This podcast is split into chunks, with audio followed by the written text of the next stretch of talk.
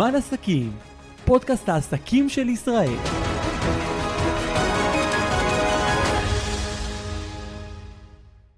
ברוכים הבאים לפרק נוסף של זמן עסקים. אם אתם קונים נכס, בונים וילה ויש לכם שאלות סביב הנושא של המימון, צריכים עזרה עם משכנתה, נקלעתם לקשיים מסוימים, אנחנו כאן כדי לספק לכם את כל המידע. שלום לאריאל אחון. שלום. אז אתה בעצם יועץ משכנתאות ופיננסים. נכון. אה, אז כיף גדול שהגעת להתארח אצלנו זה קודם כל. גם לי, תודה רבה. אה, ואתה הגעת בעצם אל התחום הזה בגלל שאתה בעצמך היית סקרן איך עובד כל הנושא של הכספים ואיך זה משפיע על החיים שלנו. בדיוק. לפני uh, הרבה שנים הגעתי למסקנה שממש עוררה בי ככה איזושהי חלחלה פנימית. הבנתי שאני לא מבין כלום בכל מה שקשור לחיים הפיננסיים שלי. אני יודע להיכנס לאתר של הבנק, אני יודע לעקוב אחרי הכרטיסי אשראי, יש לי איזושהי הלוואה אז אני רואה איך היא מתקדמת, אבל אמרתי רגע שנייה, יש לי פה עוד דברים, אני עובד, יש לי קרן השתלמות, יש לי קרן פנסיה, קופת גמל, איזה שהם מוצרים פיננסיים אחרים. ומתחילים לדבר איתי על אה, דמי ניהול ועל ריביות, כן. וככל שעובר הזמן אני רואה ש... רגע, הכסף הגדול בעצם לא נמצא רק בשוטף, הוא נמצא בין היתר גם בדברים היותר גדולים. אני ממש מזדהה איתך, אני חייבת לומר שכל פעם שאני שומעת דמי ניהול או אחוזים, זה מכניס אותי לחרדות ואני מעדיפה שלא לדעת, ופה כנראה גם הטעות שלי. בול.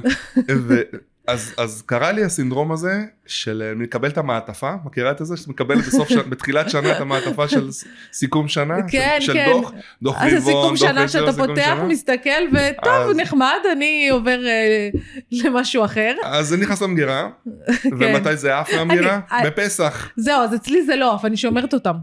אז את כולם. בפסח מנקים. טוב, אם לא פתחתי את זה עד עכשיו, אני כנראה לא אפתח כן. את זה, אפילו פתחתי את זה, וזורקים אוקיי. הצידה. אה, והבנתי ש... התחלתי קצת לקרוא, והבנתי ש... וואלה, יש פה אירוע קצת יותר מורכב מלקחת את המעטפה כן. ולזרוק אותה בפסח, ואני רוצה להתחיל להבין מי נגד מי. והבנתי שבואנה, שמע, יש פה חתיכת אירוע של לאורך השנים מצטברים לי פה הרבה מאוד כספים.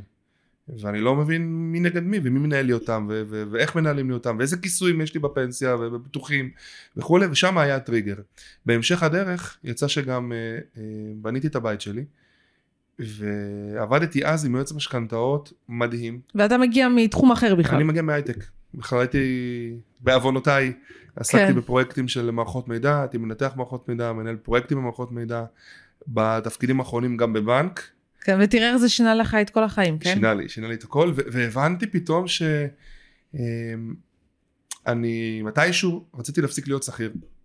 כן. אמרתי, אני, אני רוצה לעשות משהו בשבילי הפעם, בשבילי, בשביל המשפחה שלי, שככה, כבר יש לי ילדים קטנים, ואני רוצה אה, לנצל את הכישורים שלי, לא רק בשביל מישהו אחר, כמו שעשיתי שנים בתור שכיר, כן. בדברים מדהימים ומזהירים, אני רוצה לעשות את זה בשבילי. ואמרתי, לא רק זה שאני רוצה לעשות את זה בשבילי, אני רוצה גם שאני אוכל לעזור, כלומר למישהו אחר. הקטע הזה של לתרום לקהילה בחזרה הוא מאוד חזק. אה, משהו שהשתרש זה בי. מה שמוביל אותך. בין היתר הייתי סך הכל תשע שנים בצבא, העניין הזה של הנתינה וה- והשליחות מאוד זה בערו בתוך בי. ה... כן. בתוך ה-DNA. אשתי מורה אז את החלק הזה כבר יש לנו מאוד, כל, כן. כל הקטע הזה, אבל מהצד שלי היה לי חסר משהו. וככל שהבנתי שאני רוצה לעזוב את העולם של ההייטק ולהיכנס לעולם כזה שהוא יכול מצד אחד לעזור להתפרנס בכבוד, כן. אבל מנגד גם לעזור לאנשים, הבנתי שהתחום של המשכנתאות זה בדיוק המאץ' שאני מחפש. ואני חושבת שגם יש משהו בזה שאתה בעצמך היית במקום הזה של אני לא מבין מה קורה עם הכסף שלי. אז אתה יודע איך מרגישים כל הלקוחות שמגיעים אליך היום. בדיוק, בדיוק, אני, אני ממש יכול לחוות, אני, אני יודע איך, איך מרגישה התחושה הזאת בתוך הבטן. כן, כאילו אתה לא עוסק בכלכלה מגיל מאוד צעיר, אתה למדת את זה ואתה מבין את הצורך שלהם, אז אני חושבת שהערך שלך הוא באמת גדול. לגמרי, כי, כי לא הגעתי מהמקום רק האקדמי, מהמקום כן. האקדמי יש לי מספיק אה, כן, אה, רקורד ו- ותארים, אבל, כן, אבל זה לא המקום. בהישגים, כן. א- אבל, אבל המקום הזה שבו אתה אומר, יש פה בן אדם, משפחה, שאתה בסופו של דבר הולך להשפיע על החיים שלהם מהיום ועד עד לנכדים שנים, והנינים, או- כן, כמובן. עשרות שנים קדימה. בהחלטה הפיננסית כנראה הכי חשובה בחיים שלהם. אה, יש לך המון כוח, המון השפעה כן. בסופו של דבר על החיים של בן אדם, ואנשים שמגיעים ברוב המקרים קלולסים, שלא מבינים, אנחנו אומרים, קח את המעטפה, תפתח אותה אתה, כן, זה בעצם כן. מה שאומרים לי. כן. אז אני פה בשביל באמת לפתוח להם את המעטפה, להקריא להם את מה שכתוב שם, וגם להגיד להם איפה צריך לשפר את זה, איך לעשות את זה הכי טוב. אז מה השירותים בעצם שאתה מציע? מעולה. אז, אז השירותים ש, שהמשרד שלי מציע, אה, שמציעים, זה למעשה כל מה שקשור למשכנתאות. משכנתאות זה לא רק משכנתה חדשה, גם כמובן, או משכנתה לשיפור דיור, או משכנתה לבנייה עצמית, יש מיליון ניואנסים שונים. למשל, אנשים שבונים בנייה עצמית, שזה קצת יותר מורכב, אנשים שמשפרי דיור, שיש פה איזשהו ניואנס שצריך למכור נכס, לקנות נכס, יש, כן. פה, יש פה משהו, קונסטלציה כן. קצת יותר מורכבת, ומחזורי משכנתאות כמובן למי שהיום נמצא ב, עם משכנתה קיימת, ויש לנו את העולם היותר מורכב, כלומר של הלקוחות שמסורבים, שלא קיבלו אישור למשכנתה, ו... או שהם בגיל כזה שהוא קצת יותר מתקדם, שכבר לא ניתן לקבל משכנתה רגילה בבנק, כן. ו... ועובר באנשים שנכנסו למצבים אקוטיים. אקוטיים פיננסיים זה אומר שכבר יש להם המון הלוואות וכבר לא סוגרים את החודש וכאלה שכבר ממש התחילו ליפול לא רק שקשה וואו. להם כן. לקחו עוד הלוואה ועוד הלוואה כבר לא עומדים בהחזרים התחילו לחזור להם חיובים כרטיסי אשראי צ'קים. הלוואות חלילה כבר ממש נפלו לבור לא, העמוק של הוצאה מצב מאוד לפועל, קשוח, פשיטת גם נפשית. רגל, הגבלה, מצב נוראי. כלומר, אה, והמסר, אם אני ככה מקדים את המאוחר, הוא כן. שכמעט לכל סיר יש מכסה, כמעט כן. לכל סיטואציה יש פתרון. ואתה גם מתמחה בפתרונות היצירתיים יותר, אפשר לומר ככה. בדיוק. תחום ההתמחות שלי האישי שאני מוביל בתוך העסק מעבר לשאר העובדים זה באמת ההתעסקות עם המקרים היותר מורכבים שדורשים מטבע הדברים הרבה יותר ניסיון, כן, הרבה יותר היכרות של השוק, לא רק הבנקאי, גם השוק החוץ בנקאי, כן. אה, קשרים נכונים במקומות הנכונים, ניסיון רב בלבנות תוכניות פיננסיות, תוכניות חילוץ פיננסיות, וזה תחום שאני מוביל אותו באופן אישי. כן. ויש לך באמת אה, דוגמה לאיזשהו מקרה כזה? כן, בהחלט. אנחנו נשמח לשמוע, כן. אז יש למשל משפחה שממש לאחרונה אה, חתמה על הלוואה. הם פנו אליי אה, בסיטואציה שהם כבר פרסמו את הנכס למכירה. אוקיי. כבר היו, היה מתווך, היו אנשים שכבר באו לראות, כמעט סגרו את הנכס, אבל, אבל משהו אה, בער בהם, הם לא רצו לעזוב את, את הבית הזה, זה להגיע לדירה הזאת, כן. כן. לדירת ארבעה חדרים המקסימה שלהם, לא מיליון אה, מטר מרובע, אבל זה כן. הבית, זה העולם שלהם, זה הלב. יש להם ילדים קטנים, כן. שני ילדים ותינוק שזה עתה נולד. וגם אמרת לי לפני שהתחלנו עם הצילום, ש... ואני מאוד מסכימה עם זה, שבית זה לא רק קירות. זה לא ארבע קירות זה לא בכלל. איזשהו נכס שאתה יכול פשוט למכור ויהיה לך קל. לא, זה הלב של החיים, כלומר, תחשבי שאני מגדל שם את הילדים שלי מגיל אפס, כן, הגנים, בתי ספר נמצאים שם, כל שינוי יכול לגרום לזעזוע, זיכרונות, אה, הכל, כן. זיכרונות, הקופת חולים שלי, הבנק, המכולת, הסופר, השכנים, החברים, המקום שבו אני מרגיש נוח, שבו המ- אני מרגיש אני. בדיוק, המשפחה. עכשיו, כן. את, לפעמים בן אדם שנקלע לאיזושהי מצוקה, והוא הוא יכול להסתיר אותה עד גבול מסוים, אבל ברגע שמתחילות הבעיות, ואם חלילה אפילו נדרש למכור נכס, ופתאום, או מתחיל למכור את הרכב שלו, מתחיל למכור את הנכס שלו, אנשים שואלים שאלות. והקטע הכמעט הכי קשה, זה לתת, להתחיל לתת תשובות לסביבה, למשפחה, כן. להורים, לאחים, לחברים. כי אתה לא רוצה לדבר על המצב שנקלעת אליו. זה מצב שהוא, הוא, אתה בשוק, כן. אתה מתבייש לפעמים בחלק מהמקרים, קשה לך, אתה, אתה מרגיש כאילו נכשלת, וזה לא נכון. החיים מובילים אותנו בהרבה מאוד דרכים שאנחנו נכון. לא שולטים בהם. כן, נכון. ובאמת המסר פה הוא בהקשר הזה, לא חייבים ללכת לקיצון, לא חייבים למכור, ולא חייבים לא לישון בלילה, או להיכנס לאיזשהו לופ כזה במשפחה, של חוסר מעש, של חוסר חשק, כן. של תסכול, של עייפות, של חרדות, של פחדים. יש כמעט תמיד מה לעשות. אז מה באמת היה הפתרון שהצעת לאותה משפחה? אז הפתרון שהוצאתי לאותה משפחה היה למעשה לערוך איזשהו איחוד הלוואות מאוד גדול. היה להם פה לא מעט הלוואות שהם לקחו. אני פחות נכנס כרגע לסיבות שבגינן לקחו הלוואות. בטח, זה אישי שלהם, אנחנו לא אבל ניכנס. בדיוק, אבל, אבל בסופו של דבר לקחנו פה הלוואה מאוד גדולה, מחזרנו את ההלוואה בבנק שהייתה להם את המשכנתה והוספנו עליה עוד סכום מאוד נכבד של כמה מאות אלפי שקלים טובים, וואו. אני מדבר על כ-600 אלף שקלים מעבר. למשכנתה, שהמשכנתה לבדה הייתה קרוב למיליון שקלים. כל זה, ופרסנו את המשכנתה ל-40 שנה. אבל כל זה כדי להציל אותם, ולהשאיר אותם בתוך הדירה. ולהשאיר אותם בתוך הדירה, לא רק זה, גם להציל את הנישואים שלהם. לא, לא רק זה. כי זה בא ביחד, הכל, באותו הכל מגיע מקרה. ביחד, כי ברגע שמתחילות הבעיות, האהבה מתחילה ככה, את יודעת, להיות קצת יותר אפורה, כן, כן, והלחץ הזה הוא, כן, הוא יכול לטרוף את הקלפים. נכון. אז באמת קורה שמגיעים לך מקרים, ואתה ממליץ גם לא לקנות. כן, לגמרי, זה הצד השני של המתרס. כלומר, נכון. אה, יש לי זוג עכשיו ממש, אה, שגם לאחרונה אה, זכה בפרויקט מחיר למשתכן. במיקום כאילו הכי טוב שיכול להיות. נכס שברור לנו שהוא ישביח את עצמו בשנתיים שלוש הקרובות עד, ש... עד שהם יקבלו את המפתח, הוא שווה פי שתיים שלוש אולי יותר. אממה, הכניסה בעצם לעסקה הזאתי היא הייתה כבדה עליהם והם רצו כספית. כספית. כלומר, בשנייה שהם היו אומרים, חותמים על חוזה הרכישה של הנכס היותר יקר, סך הכל מדובר בין שלושה חדרים לארבעה חדרים. Mm. זה שינוי שהוא הוא כן יכול להיות משמעותי ככל שהמשפחה מתרחבת. נכון, זה בסוף עניין של נוחות כשהמשפחה גדלה ויש אז ילדים. בינתיים הם ללא ילדים, הם בתחילת הדרך, כלומר מספיק, מספיקה בשלב הראשון דירה של שלושה חדרים, שגם תשביח את עצמה, נכון, הם יוכלו. למכור בעתיד. בדיוק, יכלו למכור בעתיד, לא רק זה, הם יוכלו למכור ברווח מאוד גדול, ואולי ללכת למקום, למקום אחר יותר נכון. זול, ועדיין להישאר עם עודף בצד. כן, אבל מה שהיה קורה שאם הם היו נכנסים לאותה עסקה בשנייה הראשונה הם ביום הראשון בח- בחודש חודשיים שלושה ראשונים הם היו עומדים בזה. עם כל הגל הזה של עליות הריבית עכשיו של, של המדדים של מדד תשומות הבנייה של מדד המחירים לצרכן וכל עליית הריבית שאנחנו חווים פה הם היו נכנסים מהר מאוד לסיטואציה שבחודשים הקרובים ההחזרים שלהם היו עולים בכמה מאות שקלים ואז בוף הענן ככה הכיף הזה היה, היה משנה צורה והם היו- מתחילים להיקלע לקושי בלעמוד בהחזרים ואתה כבר חזית את זה. אני מסתכל על זה קדימה עוד מאוד הם, הם בלי ילדים הם לא יודעים אפילו מה זה הוצאות של ילד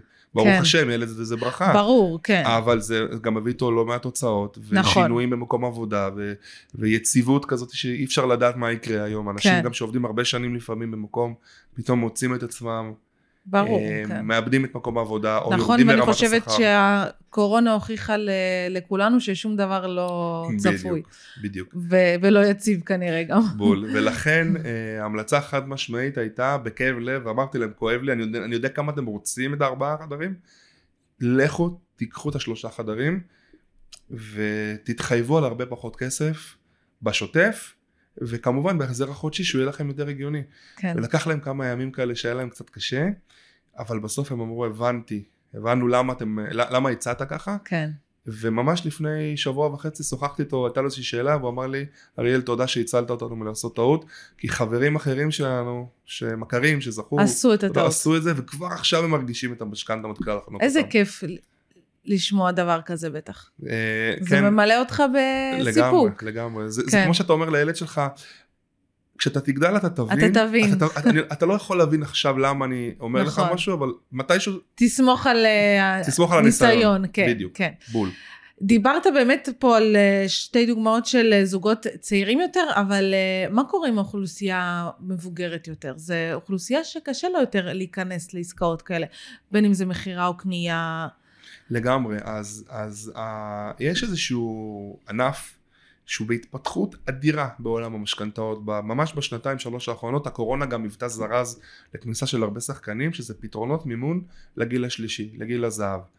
אה, וזה זו- גם נישה שאתה זו נישה מתמחה בה. שאני מתמחה בה ואני עושה המון עסקאות כאלה כשהרעיון הוא בעצם לקחת עכשיו בן אדם שהוא נמצא בגיל יותר מתקדם עד 120 ובריאות לכולם כן. אבל, אבל בגיל שהוא כבר 60 צפונה גם 70 אפילו יותר כמובן שמאוד קשה אם בכלל להיכנס למשכנתה כי אה, כוח ההחזר יותר נמוך. נכון, כי כבר לא עובדים או שיש ירידה אה, משמעותית בדרך כלל כן, ברמת ההכנסה כי לא עובדים את כל באותו באותו קצב. כן, פעם הפנסיות יותר נמוכות גם אם יש ביטוח לאומי בדרך וכולי. אה, מעטים הם אלה שבאמת יש להם פנסיה מאוד אה, ככה שמנה יכולים להמשיך לחיות ברמת חיים מאוד גבוהה.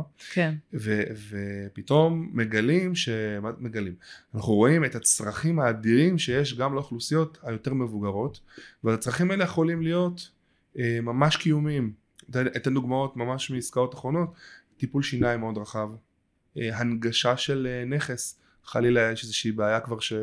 אה, בריאותית וצריך להתאים את הנכס כן, אה, למגורים, לציוד אה, מונגש. נכון. אנשים שנדרשים אולי לעבור לדיור מוגן, חלילה לא עלינו איזושהי מחלה או איזושהי בעיה שדורשת טיפולים שאין נכון. להם כיסוי. ויש גם דברים אופטימיים יותר, לא נכון. רק הדברים הטובים, אנשים בגיל השלישי גם משקיעים. כלומר זה משהו שהוא חזק, והם רוצים כן. לרכוש עוד נכס, שתהיה להם עוד הכנסה, או עוד יכולת להשאיר כספים בהמשך הדרך ליורשים שלהם. כמובן שיש באמצע את הרצון לעזור לילד שמתחתן, לנכד שמתחתן, למין שמתחתן אפילו.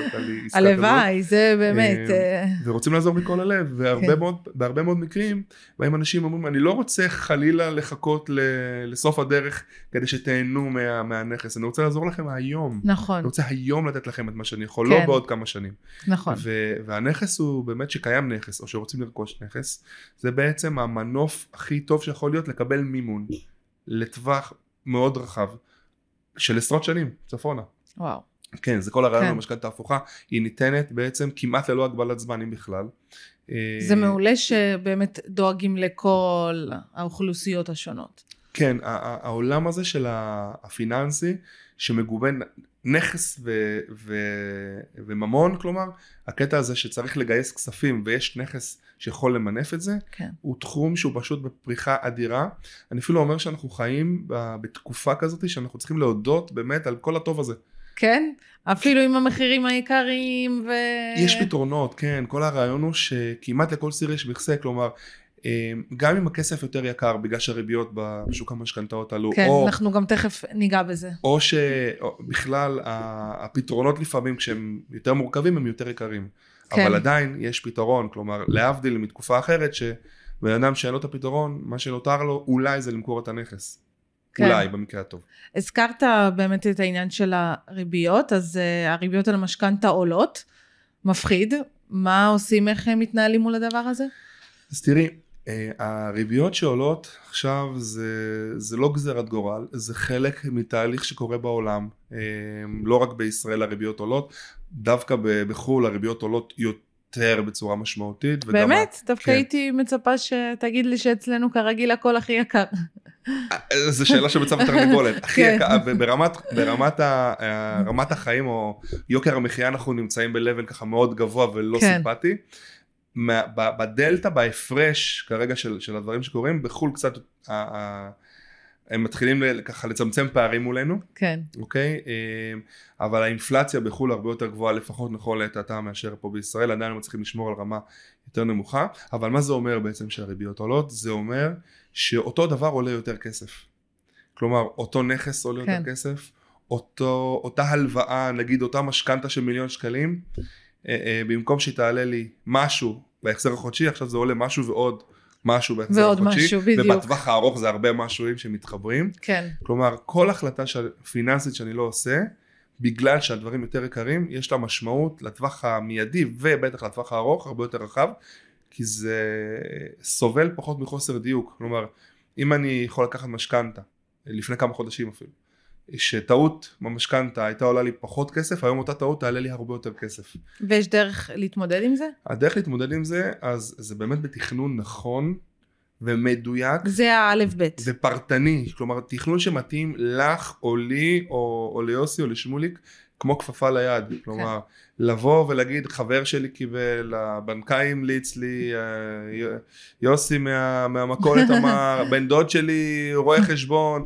יש המון דוגמאות, אבל בסוף אנחנו צריכים למצוא פתרון שהוא נכון לאותה נקודת זמן, לאותו בן אדם או לאותה משפחה. כן, אני רוצה לחזור ולדבר עוד קצת עליך ועל ה, על השירותים שלך. מה היית אומר שהייחודיות שלך? אז הייחודיות שלי למעשה מתבטאת במספר אופנים. קודם כל יש לי המון ניסיון. אה, ואני מרשה לעצמי לומר שאין כמעט משהו שלא ראיתי או שלא טיפלתי או שלא עשיתי. אה, ולא לכולם יש את הפריבילגיה הזאת. נכון. של כבר כמה שנים אה, בתחום. דבר שני, אני באמת יודע לטפל במקרים שהם יותר מורכבים. שאנשים שהם פחות, עוד פעם, ניגשו לעולמות האלה בתחום שלי, יודעים להגיע אליהם. דבר שלישי, אני נותן שירותים שהם מעבר לזמן הרגיל. מה כלומר, זה אומר? אז יש בעצם עוד איזושהי ייחודיות שאנשים מאוד אוהבים אותה, שזה השעות. אה, אתה עובד בשעות, אני- לא שעות. אני עובד בשעות לא שעות, אני זמין בשעות לא שעות, ואני גם נפגש עם אנשים פיזית, או בזום, איפה שצריך, בשעות לא שגרתיות. כמו? כלומר, יכול להיות שאנחנו מתחילים פגישה בתשע וחצי בערב. וואו. למה אני זה עושה את זה? קשוח בשבילך. נכון. כל הכבוד לך על השירות, אבל קשוח. קשוח, אבל בסוף אני צריך שכשאני יושב עם מישהו, הוא זמין להקשיב. כן, שהראש שלו יהיה שם. שהראש שלו יהיה איתי, כי אנחנו הולכים לדבר על ה, באמת על, ה, על העסקה הכי גדולה, לא משנה מאיזה קונסטלציה. כן. ו, ואם זה הזמן שהוא יהיה בו זמין, אז זה הזמן שבו אנחנו נערוך את הפגישה. בכלל השירות שאני נותן, אני אוהב לקרוא משכנתה בפיג'מה. משכנתה בפיג'מה זה נשמע כזה נעים, קוזי כזה. זה בדיוק ככה. האמירה שלי חד משמעית, היא אומרת, המשכנתה בפיג'מה אומרת ככה, את לא צריכה לקום מהכורסה, את יכולה להתנהל מולי בפיג'מה, כל מה שאני צריך ממך זה את המסמכים בהתחלה, את שיתוף הפעולה, את הזמינות שלך כשאני צריך שאלות, כן. לשאול שאלות ולקבל מענה, ומפה אני עושה את כל העבודה, אני והצוות ש- שלי כמובן מאחורי הקלעים עושים את כל העבודה, עד בסוף תגיעי לחתום בבנק. ואם את צריכה- יופי. אם את צריכה את העורך דין אז נחבר אותך לעורך דין ואם את צריכה את כל אחר כך את הביטוחים נחבר אותך לביטוחים אתה ממש כבר מכיר את אנשי המקצוע שצריך מסביב והם בדיוק טובים. בדיוק one stop shop one stop shop. בפיג'מה כן. זה, זה הכי כיף, לא? בדיוק פיג'מה. ואנשים נורא מתחברים לקונספט הזה כמובן שבשיתוף פעולה מלא ובשיקוף אה, מלא אתה גם חבר בהתאחדות, נכון? נכון אז בין שאר הדברים אני גם חבר בהתאחדות יועצי המשכנתאות ככה שאני בעצם גורם שהוא מוסמך נכון. אה, יש לי הסמכה יש לי קרדיטציה מסודרת לתחום שזה תחום שהיום הוא אין לו בעצם אה, הסמכה ממשלתית למשל כמו עורך דין שיש כן, אז זה. זה משהו שנותן קצת ללקוחות שלך, קצת אולי שקט למי שעוד לא מכיר אותך. בדיוק זה שקט כי אני מוסמך עברתי מבחנים כן, יש אני חתום על אמנת שירות מאוד מסודרת ואם חלילה יש בעיה תמיד יש לי מי לפנות כן. ומנגד אני כל הזמן מקבל את כל המידע הכי עדכני את כל ההשתלמויות את כל הכנסים כדי להתחדש כל הזמן ממש על בסיס קבוע כן.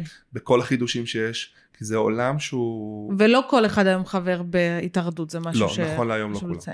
למה, מה מונע מאנשים? שזה זה לא ארגון רשמי Mm. שהוא ממשלתי כמו למשל לשכת רואי החשבון כן. לשכת, לשכת עורכי הדין אמן בהמשך הדרך זה, זה גם כן. מגיע לשם אנחנו ככה ב- בתהליך אבל כן אפשר לומר שמישהו שהוא חבר בהתאחדות יוצא המשכנתאות יש לו כנראה אה, איזושהי קרדיטציה לפחות בסיסית לזה שהוא מבין את התחום למד אותו מבין אותו יש לו ניסיון כן, אה, בתחום הזה ויש יש איזשהו ארגון גג שמסתכל עליי. כן.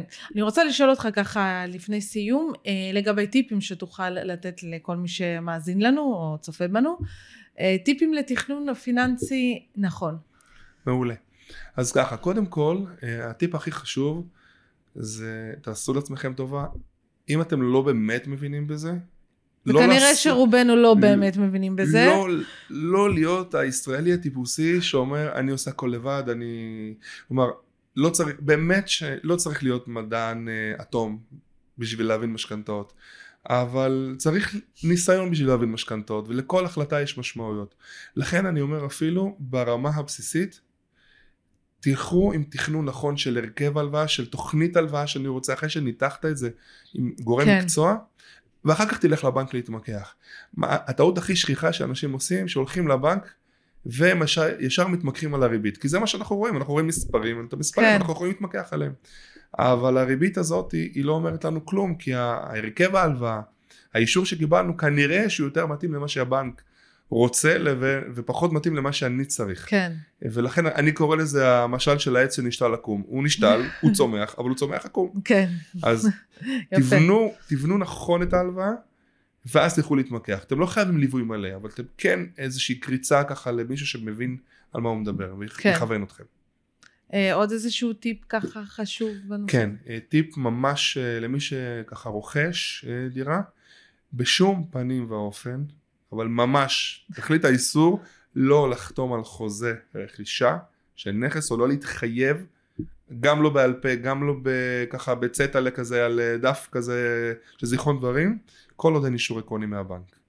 אוקיי. חשוב מאוד, ואישור עקרוני אני מדגיש, לא דיגיטלי כזה שמילאתי מילאתי שאלון או עברתי שיחת טלפון של חמש דקות עם בנקאי, רק אחרי שהעברתי את הניירת וכל הניירת שלי כי יכול להיות. שניכנס לפלונטר כלכלי. כי יכול להיות שקיבלתי אישור כזה שהוא דיגיטלי אבל הדיווח שלי לבין מה שקורה בפועל הם לא בדיוק אחד לאחד Mm. כפי שהבנק רואה אותם כן, אחרי שבדקו את כל הניירת שלי ופתאום יכול להיווצר מצב שלמרות שאני בטוח שיש לי אישור הוא לא באמת אישור כמו שצריך כן. ואז הבנק מסתבר שהוא לא נותן לי את האישור הזה הוא מסתייג מהאישור שהוא נתן אני בינתיים חתמתי על חוזה רכישה והפרת. חוזה בגדול זה סביב העשרה אחוזים קנס וזה, לא. ובסכומים של דירות זה לא מעט. לא מעט כסף שאני צריך לשלם אם, אם הפרתי חוזה בסוף לא קיבלתי אישור למשכנתה כן.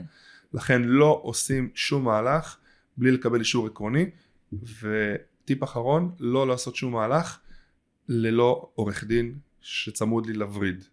אני חייב שיהיה לי את העורך דין שמלווה אותי בכל החלטה בכל הסכמה גם על זיכרון דברים גם על לחיצת יד והוא גם זה שבודק בעצם את הרישום בטאבו והכל. בדיוק, הוא בודק את כל הרישום, הוא בודק את, הוא בודק את הנכס, אבל גם בשלב המקדים של כבר של המשא ומתן, חייבים, המלצה כמובן, כן. חייבים אבל המלצה גורפת, לשלב עורך דין שמייצג אותך ולא את שני הצדדים. כמובן, כן. כי זה יחסוך לך בסוף את כל ה... בדיוק, כי העורך דין, מתי אנחנו פוגשים אותו? בחוזה, כשיש צרות. נכון. ואם פתאום יש איזושהי בעיה במשא ומתן, אז את מי העורך דין מייצג, איזה צעד, נכון. למי הוא נוטה יותר. לכן, נכון שזה עולה קצת יותר, מנגד זה מגן עלינו בהחלטה, אם אנחנו כבר קונים נכס בכל כך הרבה כסף, אז כן בואו נעשה חשוב- את זה נכון וכמו כן חשוב שצריך. לתכנן את העוד כמה שקלים האלה נכון בתכנון הפיננסי של העסקה של כל המסביב כדי שאני אקבל את ה... בסוף את העסקה הכי טובה שאפשר. כן. אריאל, תודה רבה לך שהיית איתנו. בשמחה. ולמדנו המון ממך על, על נושא שמפחיד את רובנו כנראה. בשביל זה אני פה כדי כן. להנגיש את, ה... את הנושא הזה כדי להוריד אותו לקרקע כן. ולראות שזה לא כזה אה, מורכב כמו שזה נשמע. כן, ושיש פתרונות, שזה פתרונות. מאוד כיף לשמוע. אה, ותודה לכם שהייתם איתנו בזמן עסקים. אנחנו ניפגש בפרקים נוספים. רוצים להיות חלק ממשפחת זמן עסקים ולהציג את העסק שלכם? השאירו פרטים בלינק שנמצא בתיאור.